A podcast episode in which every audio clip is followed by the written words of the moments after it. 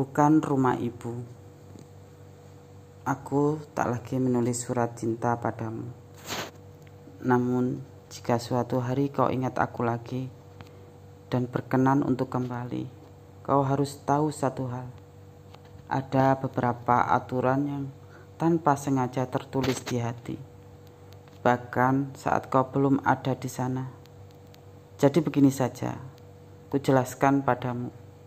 Ini bukan dendam karena kau pergi begitu saja, juga bukan benci karena ternyata aku yang terlalu cinta. Namun lebih kepada kebaikan kita berdua di suatu hari nanti.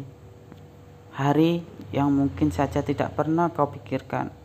Namun percayalah, setiap yang pergi akan selalu ingat pulang. Meski pada akhirnya tak semua bisa pulang atau memilih pulang. Ku katakan kepadamu, hidup itu tanam tuai. Apa yang kau tanam, itulah yang mestinya kau tuai. Jika kini yang kau tanam adalah kepergian, suatu hari nanti, entah di musim kemarau atau di musim hujan, saat kau kedinginan dan tak menemukan rumah yang baru, tidurlah di jalanan. Karena rumahku sudah kututup untukmu yang telah pergi tanpa permisi. Kau yang pergi tak dan tak meninggalkan pesan apa-apa. Kau yang pergi dengan cara mencabi dan sudah selayaknya kau tak pernah berbalik. Kau harus ingat, hati kekasih bukan rumah ibu yang bisa kau datangi lagi setelah kau tinggal begitu saja. Tanpa mengakui dosamu pun kau bisa pulang dan masuk ke dalamnya sesukamu. Namun, tidak begitu dengan hati kekasih.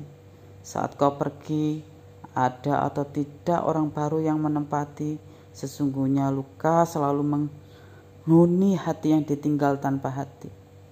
Jadi ingatlah, pulang saja ke rumah ibumu, bukan ke, ke hati kekasihmu yang sudah kau toreh belati. Mungkin ada yang kau lupa, sesuatu yang meninggalkan belum tentu benar-benar menanggalkan. Harusnya kau pikir penuh-penuh dulu sebelum pergi menjauh, sebelum luka kau buat utuh, karena tak semua yang pergi bisa selamat saat kembali.